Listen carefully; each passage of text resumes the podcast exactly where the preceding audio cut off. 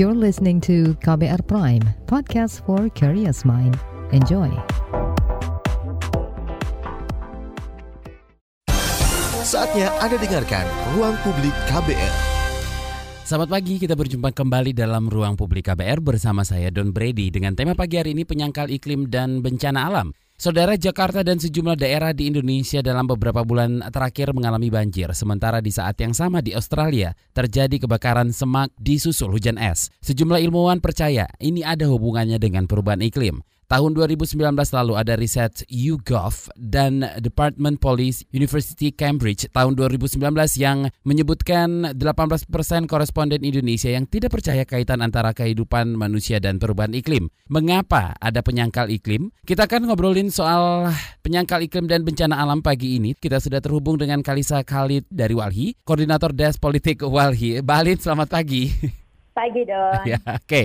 Mbak Lin, ngobrolin soal penyangkal iklim dan bencana alam. Uh, sudah beberapa tahun ini kita mengalami perubahan cuaca yang sulit ditebak nih. Ya, oh. dan ini dipercaya ada kaitannya dengan menyebutkan secara jelas kalau ini terjadi akibat perubahan iklim. Bisa dijelasin nih, Mbak Lin, secara sederhana apa yang disebut uh, dengan perubahan iklim? Ya, uh, secara sederhana jadi susah karena panjang sekali ya, ini. Apa, ya. uh, artinya gini, perubahan iklim itu kan uh, satu kondisi uh, di mana suhu bumi naik itu kalau mau yang sederhananya ya. Uh, dan tentu ada dampak-dampak uh, ketika uh, terjadi pemanasan global gitu. Hmm. Nah, dampaknya sebenarnya real. Kalau ditanya apa definisi perubahan iklim atau climate change, mungkin banyak orang nggak tahu. Tapi orang merasakan dampaknya, uh, terutama di tingkat masyarakat ya. Dampaknya misalnya seperti banjir, cuaca yang nggak bisa diprediksi gitu. Dan yeah. itu sebenarnya uh, sudah berlangsung lama gitu ya. Uh, perubahan-perubahan cuaca yang sangat ekstrim yang nggak bisa diprediksi gitu.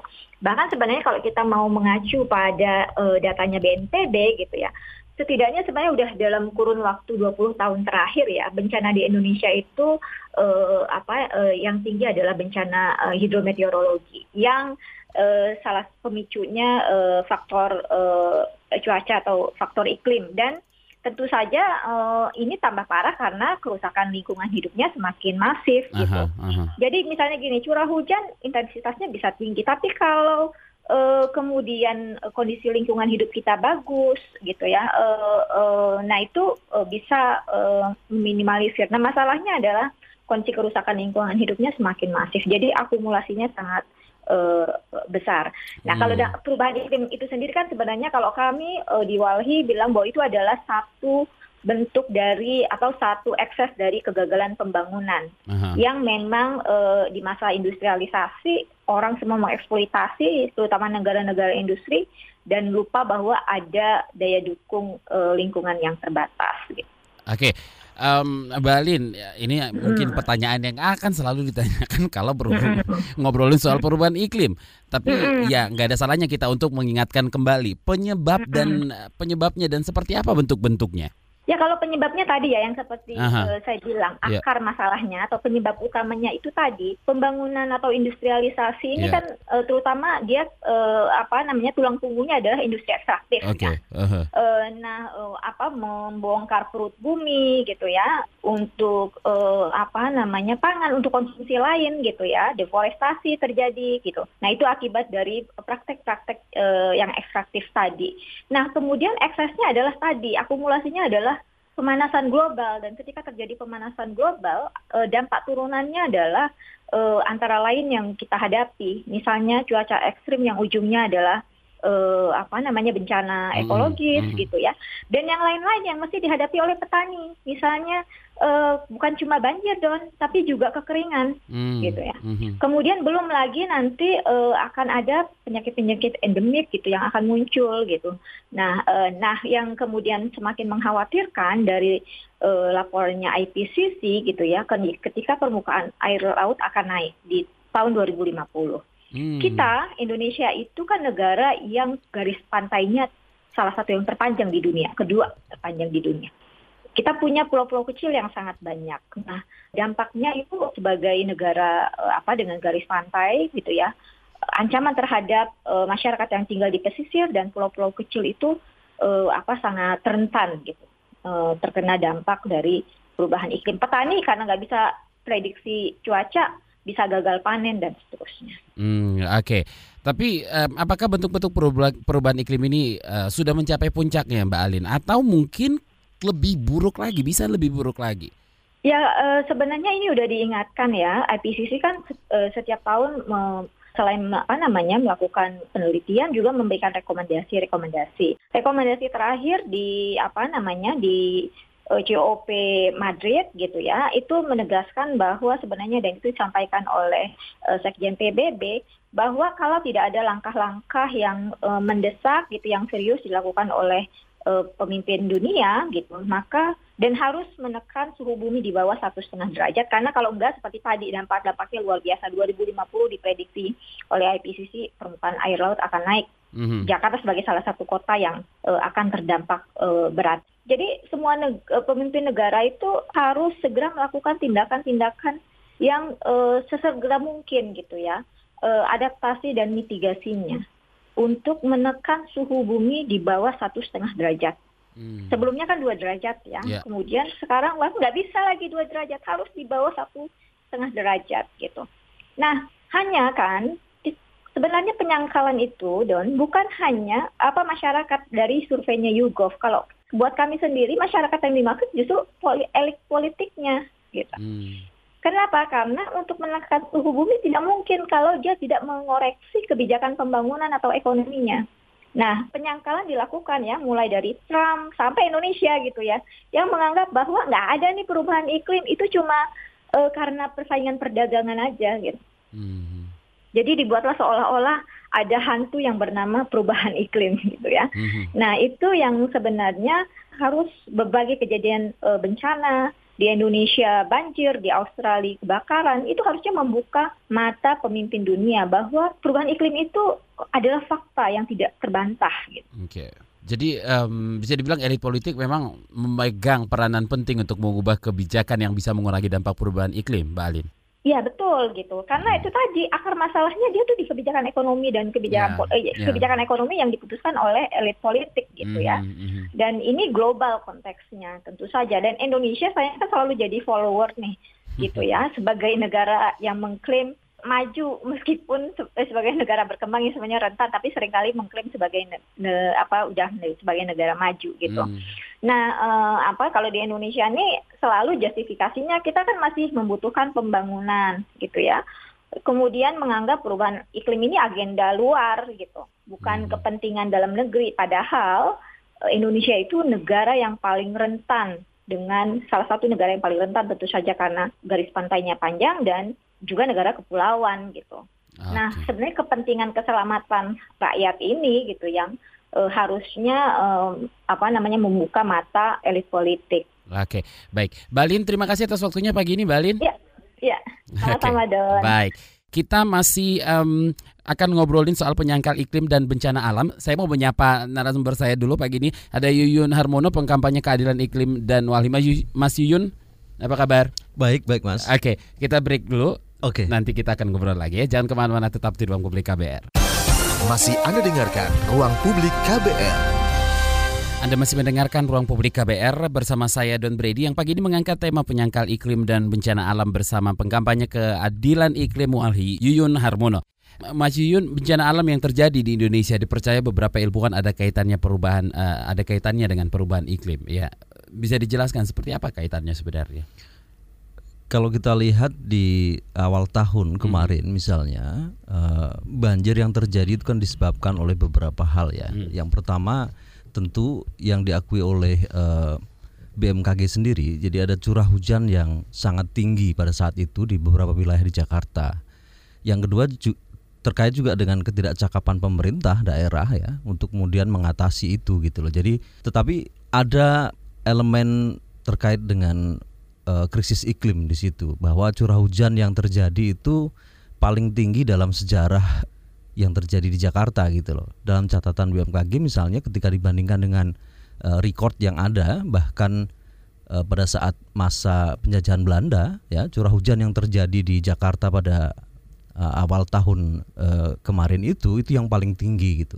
Nah, itu menunjukkan bahwa memang uh, sedang terjadi krisis iklim gitu loh. Yang kedua, kalau kita lihat lagi misalnya di Australia misalnya ya, uh, bencana kebakaran yang sangat luar biasa besar, uh, lebih dari setengah uh, juta satwa ya yang yang punah gara-gara kebakaran itu, ratusan ribu orang harus mengungsi begitu ya, terus kemudian lebih dari uh, 9 juta lahan yang terbakar di sana. Jadi itu juga disebabkan oleh krisis iklim gitu loh karena memang panas uh, dan juga musim kemarau menjadi lebih panjang.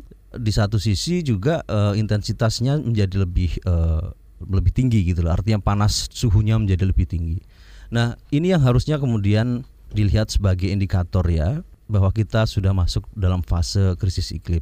Selain itu, krisis iklim juga bisa kita lihat pada yang kita sebut sebagai bencana yang merayap ya. Jadi sesuatu yang terjadi pelan gitu, slow onset. Taruhlah misalnya kenaikan muka air laut. Itu kan terjadi pelan gitu ya. Tetapi efeknya sekarang sudah dirasakan oleh uh, teman-teman kita ya, saudara-saudara kita yang hidup di pesisir dan pulau-pulau kecil gitu. Di sepanjang pesisir utara Jawa misalnya, ya banyak sekali masyarakat yang harus pindah dari rumah mereka karena memang sudah nggak bisa ditempatin lagi gitu loh sudah setengah meter misalnya air yang masuk di rumah mereka dan tidak mungkin mereka akan hidup di kondisi seperti itu. Kemarin teman-teman di uh, Walhi uh, Sumatera Selatan juga dalam laporan uh, awal tahun mereka mereka menyebut ada dua pulau kecil di Sumatera Selatan yang sekarang sudah tenggelam gitu. Jadi Pulau Betet dan apa satu lagi Pulau Gundul gitu.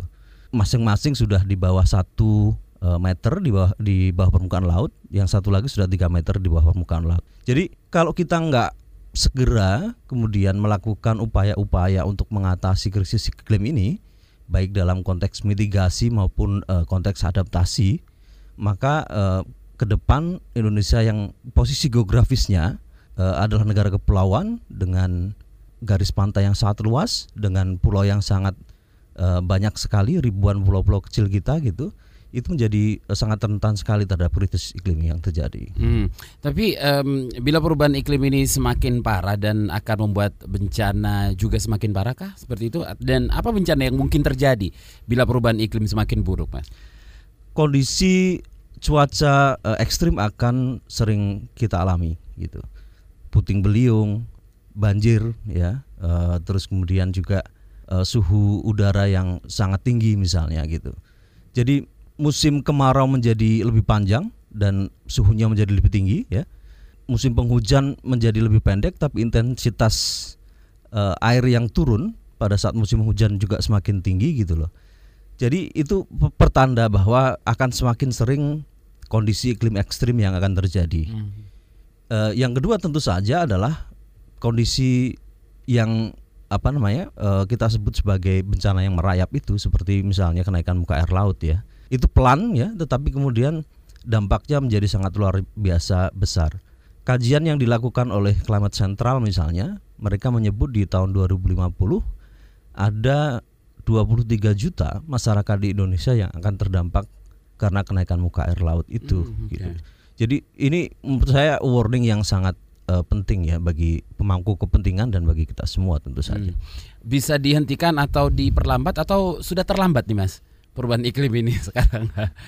kita sudah uh, pada fase yang kalau IPCC sebut uh, pada kondisi di mana suhu bumi kita sudah naik 1,1 derajat Celcius ya kondisi sekarang. Di target Paris Agreement itu itu kita mencoba untuk membatasi suhu bumi di bawah 1,5 derajat Celcius. Artinya hanya sedikit ruang ya gitu loh karena secara faktual kita sudah 1,1. Mm -hmm. Dalam kondisi 1,1 derajat Celcius, kenaikan rata-rata suhu bumi dibandingkan dengan masa pra e, industri itu bencana aja sudah kita lihat sering kali terjadi, nggak hanya di Indonesia tapi juga di negara-negara lain ya. Misalnya typhoon yang beberapa bulan yang lalu e, terjadi di e, Jepang misalnya terus kemudian uh, kebakaran hutan yang terjadi di Australia, banjir, uh, puting beliung yang terjadi di Indonesia misalnya, itu akan sering uh, kita ketemukan ke depan gitu loh. Jika kita tidak mampu menjaga atau me, mencoba menahan suhu bumi kita ya di bawah 1,5 derajat Celcius dalam sampai 20 tahun ke depan. Hmm. Tapi ada riset eh, tahun 2019 yang bilang 18% koresponden di Indonesia itu nggak percaya kaitan antara kehidupan manusia dan perubahan iklim. Sebenarnya seperti apa kaitan perubahan iklim dan manusia nih, Mas? Ya, bumi ini secara natural dia akan berubah gitu, termasuk juga dalam kondisi uh, iklimnya gitu. Tetapi aktivitas manusia ya, terutama pada saat uh, revolusi industri itu semakin meningkatkan intensitas gas rumah kaca mm. dan itulah yang kemudian menyebabkan terjadinya krisis iklim. Nah, ada faktor manusia yang mempercepat itu. Makanya kemudian itu disebut sebagai antropogenik karena kan uh, manusia yang yang menyebabkannya gitu loh. Nah, kaitannya apa ya? Kaitannya karena aktivitas ekonomi dan uh, produksi kita ya itu yang sel yang menggan yang apa sangat menggantungkan pada penggunaan energi fosil misalnya. Aktivitas ekonomi kita yang menggantungkan pada uh, ekspansi perkebunan skala besar. Jadi ada deforestasi dan alih fungsi lahan di sana gitu. Nah, itu karena memang praktek antropogenik kita sehingga ada relasi ya penyebab dan juga akibat ya. Jadi ada relasi yang yang sangat jelas bahwa kitalah yang menyebabkan uh, terjadinya uh, bencana dan krisis iklim itu gitu. Mm -hmm. secara tidak langsung memang kita yang pelakunya seperti itu ya. Oke, kita akan telepon dulu Mas Yun. Ada Bapak Bapak Angga di Krukut. Selamat pagi Pak Angga. Iya, selamat pagi. Iya, silakan. Iya, saya mau nanya Mas Yun. Iya, uh, Pak Angga. Tentang ya tentang perubahan iklim. Ya, ada prediksi Jakarta bahwa Jakarta itu akan tenggelam. Uh, itu apakah uh, hal-hal seperti itu bisa diatasi? Karena kalau memang tidak di, bisa diatasi nanti uh, masyarakat ini nanti akan jadi bagaimana kalau lalu kalau tidak susah diatasi nanti apakah masyarakat ini akan dipindahkan ke tempat lain apa seperti apa Mas Yun? Ya baik. Itu saja terima kasih selamat pagi. Selamat pagi Pak Angga. Seharusnya dengan ada uh, apa namanya perkataan yang bilang Jakarta akan tenggelam harusnya kita sudah mulai uh, gusar dan takut dengan uh, apa yang akan terjadi dengan Jakarta ini. Tapi ya gitu gitu loh mas. Nah seperti yang di, dikatakan Pak Angga tadi gimana nih kalau memang Jakarta memang benar-benar akan tenggelam? Hal itu bisa diatasi nggak sih? Atau memang ya nggak bisa kita semua harus pindah gitu loh.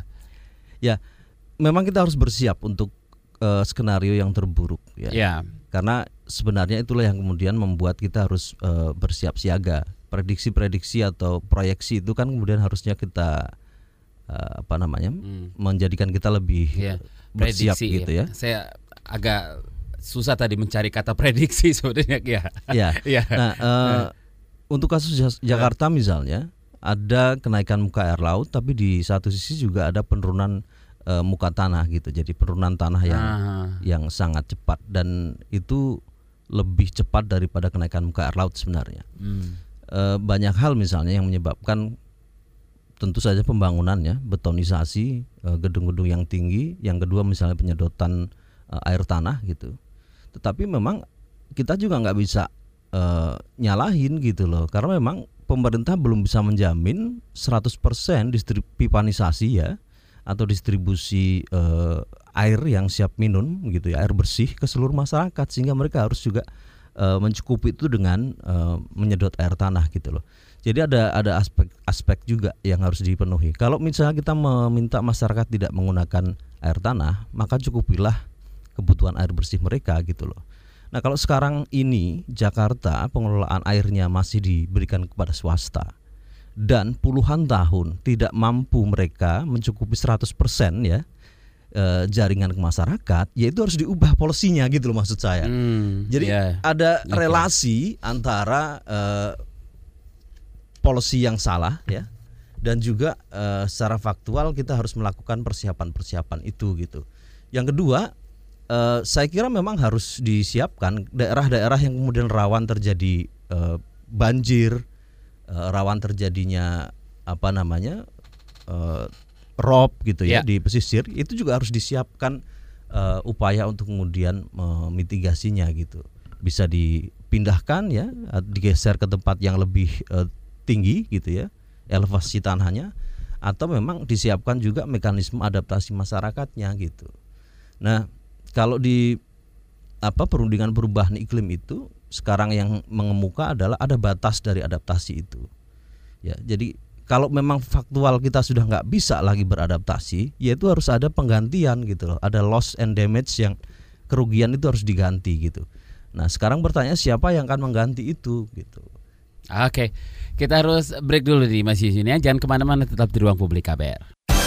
Masih Anda dengarkan Ruang Publik KBR. Kita tiba di bagian akhir ruang publik KBR hari ini dan bagi Anda yang tidak sempat mendengarkan siaran ini secara utuh bisa mendengarkannya kembali di podcast kbrprime.id lalu pilih ruang publik. Saya masih bersama Yuyun, Yuyun Harmono, pengkampanye keadilan iklim Walhi. Oke, Mas Yuyun, mengapa sih muncul penyangkal iklim? Uh, pertama memang ya ada ada satu penelitian menarik dan sudah dibukukan gitu karena memang uh, dia menyebut bahwa uh, pendidikan soal lingkungan hidup kita itu tidak dimasukkan dalam kurikulum sekolah. Oke. Okay. Ya, jadi hmm. sejak awal kita memang tidak diajarkan ya atau tidak dicoba uh, apa namanya untuk membicarakan persoalan-persoalan soal lingkungan hidup sejak dari usia-usia uh, muda, hmm. usia-usia hmm. sekolah gitu. Eh, sehingga ke depan memang penting untuk memasukkan pendidikan terkait lingkungan hidup dan kebencanaan itu menjadi salah satu kurikulum dan dan itu yang harusnya diupayakan sehingga ke depan uh, kita akan mengurangi lah ya mereka yang tidak percaya terhadap uh, perubahan perubahan iklim atau krisis okay. iklim itu gitu. Itu satu hal.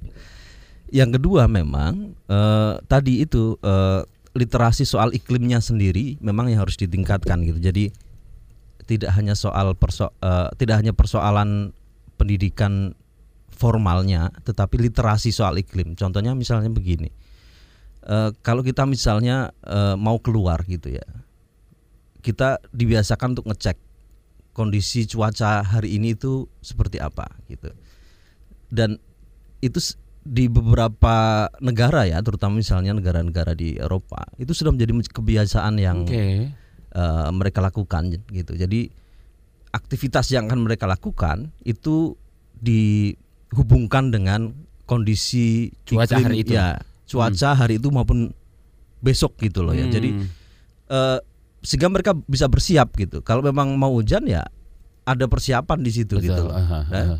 Uh, dan seterusnya dan seterusnya. Itu penting untuk untuk melihat juga ketika misalnya terjadi iklim ekstrim, kita akan sudah aware gitu. Jadi sudah otomatis ada early warning yang yang yang kita lakukan gitu loh. Mm -hmm. uh, ketika kebiasaan-kebiasaan itu terjadi. Yang kedua tentu misalnya di uh, masyarakat uh, pedesaan dan pesisir ya, dampak perubahan iklim itu sebenarnya mereka sudah alami gitu. Ketika mereka nggak bisa melaut karena ada gelombang pasang yang tinggi, yeah. ya, itu secara langsung mereka mengalami itu. Ketika rumah mereka terendam akibat uh, banjir rob misalnya, ya, itu mereka secara uh, langsung mengalami. Uh, tetapi mungkin mereka tidak bisa mengkorelasikan langsung dengan uh, perubahan iklim yang terjadi. Meskipun ketika kita tanya ke mereka ya, misalnya bapak-bapak uh, yang berusia 60 tahun gitu. Kemudian kita tanya mereka, uh, apa sih perbedaannya kondisi iklim sekarang dibandingkan dengan 10 atau 20 tahun yang lalu? Mereka pasti akan bisa menceritakan perbedaannya itu gitu loh dari situ sebenarnya itu adalah bukti bahwa masyarakat di bawah juga punya pengetahuan ya dalam jangka panjang perbedaan apa yang terjadi di masa lalu dan apa yang terjadi di sekarang gitu. Hanya saja mungkin mereka tidak menyebutnya itu karena uh, perubahan iklim gitu ya. Tapi ada ada fase di mana mereka mengetahui perbedaan uh, yang terjadi ya dalam jangka waktu yang panjang karena perubahan iklim kan dihitung dalam jangka waktu yang panjang juga antara 10 sampai 20 tahun gitu loh. Hmm. Uh, dan juga uh, efek langsung atau dampak langsung yang mereka alami gitu. Oke, kalau um, dalam pandangan Walhi seperti apa pemahaman pemerintah terhadap perubahan iklim ini, Mas? Pemerintah melihatnya masih dalam konteks ekonomi ya. Jadi okay. uh, eh, kalau ini tidak berkorelasi langsung terhadap uh, pertumbuhan ekonomi atau kerugian ekonomi, seolah-olah perubahan iklim itu menjadi hal yang tidak terlalu urgent ya, gitu loh. Karena peneliti LIPI juga menilai perubahan iklim bukan cuma tak dianggap nyata, tapi juga belum menjadi pertimbangan utama dalam pengambilan kebijakan publik seperti itu. Betul. Hmm. Jadi uh, nah itu ya sebenarnya yang kita mau dorong. harusnya kan dalam perencanaan pembangunan kita baik dalam jangka menengah maupun dalam jangka panjang ya persoalan terkait dengan krisis iklim ini harus menjadi pertimbangan utama gitu. Contohnya begini, akan sia-sia membangun infrastruktur di daerah yang itu rawan terjadi bencana gitu. Karena apa? Karena ke depan kita akan bisa pakai itu gitu loh. Sekarang kita bisa bangun itu e, ngeluarkan duit APBN banyak-banyak gitu ya, tetapi dalam jangka waktu ke depan udah nggak bisa dipakai lagi karena udah udah terendam gitu loh. Itu satu hal. Jadi proses perencanaan pembangunan kita juga harus melihat uh, sisi kebencanaan ya dan juga resiko-resiko iklim itu. Hmm. Nah, uh, ini penting menurut saya untuk disampaikan juga bahkan dalam uh, apa World World Economic Forum ya di Davos misalnya yang uh, kemarin mereka berkumpul ya ketika mereka merilis uh, laporan soal resiko yang paling tinggi bagi sektor uh, bisnis ya mereka menempatkan isu perubahan iklim ya atau resiko-resiko iklim jadi resiko yang pertama dan report ini bukan hanya tahun ini tapi hmm. juga udah tahun lalu gitu jadi uh, sektor bisnis sudah menyadari risiko-risiko itu gitu ya dan harusnya juga pemerintah dan uh, masyarakat juga sudah mulai me, me, melihat ini menjadi satu yang penting diperhatikan. Oke, okay. um, perubahan iklim itu sebenarnya punya ciri-ciri nggak sih mas? Se ya secara kasat mata kita ngelihat gitu loh. Ada nggak sih ciri-ciri yang bisa kita lihat? Dan uh, bila ini memang sudah terjadi tentunya ciri-ciri ini sudah muncul sejak lama seperti itu. Tapi apakah saat itu saat ini ciri-ciri itu sudah muncul? Atau karena dengan kejadian cuaca-cuaca yang ekstrim saja gitu loh? Paling mudah dilihat oleh publik adalah ketika terjadi uh, cuaca ekstrim ya. Misalnya hmm. banjir di awal tahun kemarin gitu ya tapi yang menurut saya paling penting juga adalah dampak yang langsung dialami masyarakat dan itu merayap atau slow onset itu. Kenaikan muka air laut, banjir rob, uh, musim musim yang uh, musim tanam yang bergeser hmm. begitu loh. Hmm. Jadi ada uh, apa namanya penanda-penanda dalam hmm. masyarakat yang itu uh, sebenarnya mereka sudah mengetahuinya gitu. Hmm. Hanya publik secara luas akan lebih mudah tersadarkan ketika terjadi uh, bencana atau iklim ekstrim kan gitu misalnya. Banjir di Jakarta misalnya yang uh, apa namanya uh, mengakibatkan uh, ribuan rumah terendam gitu ya. Uh, masyarakat yang harus uh, mengungsi dan seterusnya dan itu di apa namanya di uh, cover oleh uh, media gitu ya baik televisi, uh, radio dan seterusnya gitu. Padahal di masyarakat-masyarakat yang hidup di pedesaan dan pesisir mereka mengalami langsung dan itu harusnya juga di di apa ya di di cover gitu loh di, apa mereka mereka dimintakan juga pendapatnya bahwa uh, apa yang mereka alami di dalam konteks uh, apa namanya krisis iklim itu gitu. Hmm, Oke, okay. uh, eh, terakhir dan singkat saja mungkin Mas Yuyun uh, per, masyarakat perkotaan atau desa yang lebih sadar atas pencegahan iklim ini mana yang lebih sadar? Dari tahun dari Mas Yuyun sendiri sebagai pengkampanye ke, eh, keadilan iklim? Masyarakat perkotaan punya akses yang lebih luas ya atas informasi atas pastinya. informasi hmm. pastinya hmm. gitu. Tetapi dampak yang dialami secara pelan-pelan itu memang terjadi di pedesaan. lebih banyaknya terjadi di masyarakat pedesaan dan pesisir. Oke, baik. Mas Yuyun terima kasih terima kasih atas waktunya pagi ini. Kita nanti ngobrol lagi ya Mas ya. Saya Dot Beradi pamit. Salam. Baru saja Anda dengarkan Ruang Publik KBR.